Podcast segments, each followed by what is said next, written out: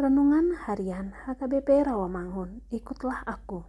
Senin 13 Juni 2022 dengan tema Jangan lupa berbuat baik.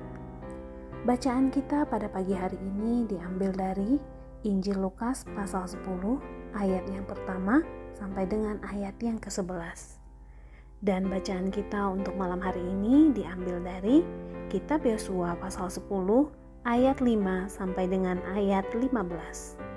Dan kebenaran firman untuk kita hari ini diambil dari Ibrani pasal 13 ayat 16 yang berbunyi dan janganlah kamu lupa berbuat baik dan memberi bantuan sebab korban-korban yang demikianlah yang berkenan kepada Allah. Sahabat ikutlah aku yang dikasihi Tuhan Yesus.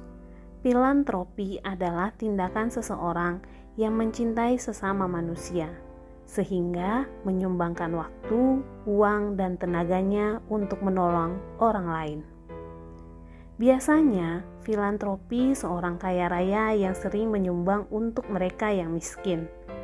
Beda filantropi dan orang Kristen adalah seorang filantropi memberi dari kelimpahannya, tetapi seseorang yang mengasihi Allah dan sesama tetap dapat memberi sekalipun dari kekurangannya.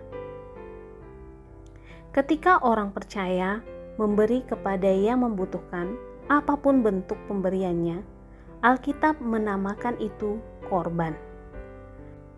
Perhatikan ayat mas kita. Dan janganlah kamu lupa berbuat baik dan memberi bantuan, sebab korban-korban yang demikianlah yang berkenan kepada Allah. Memberi dari kelimpahan itu mudah, tetapi tidak demikian dari kekurangan. Ketika kita memberi dari kekurangan, pastilah sangat sulit sekali. Tetapi ketika kita melakukannya, akan mendatangkan sukacita dan ucapan syukur kepada Tuhan dari orang lain.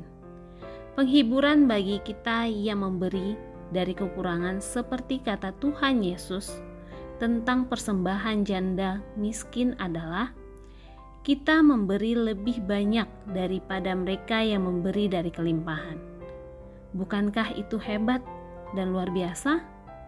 Dengan kata lain, di mata pemilik jagat semesta ini, kita jauh lebih kaya dan jauh lebih dermawan dari seorang filantropi ternama mana pun.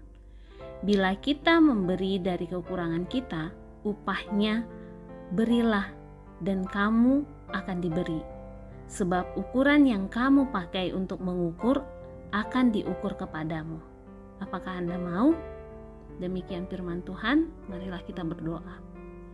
Tuhan Yesus, ajarilah aku agar tetap dapat memberi sekalipun dalam kekurangan. Ya Tuhan Yesusku. Amin.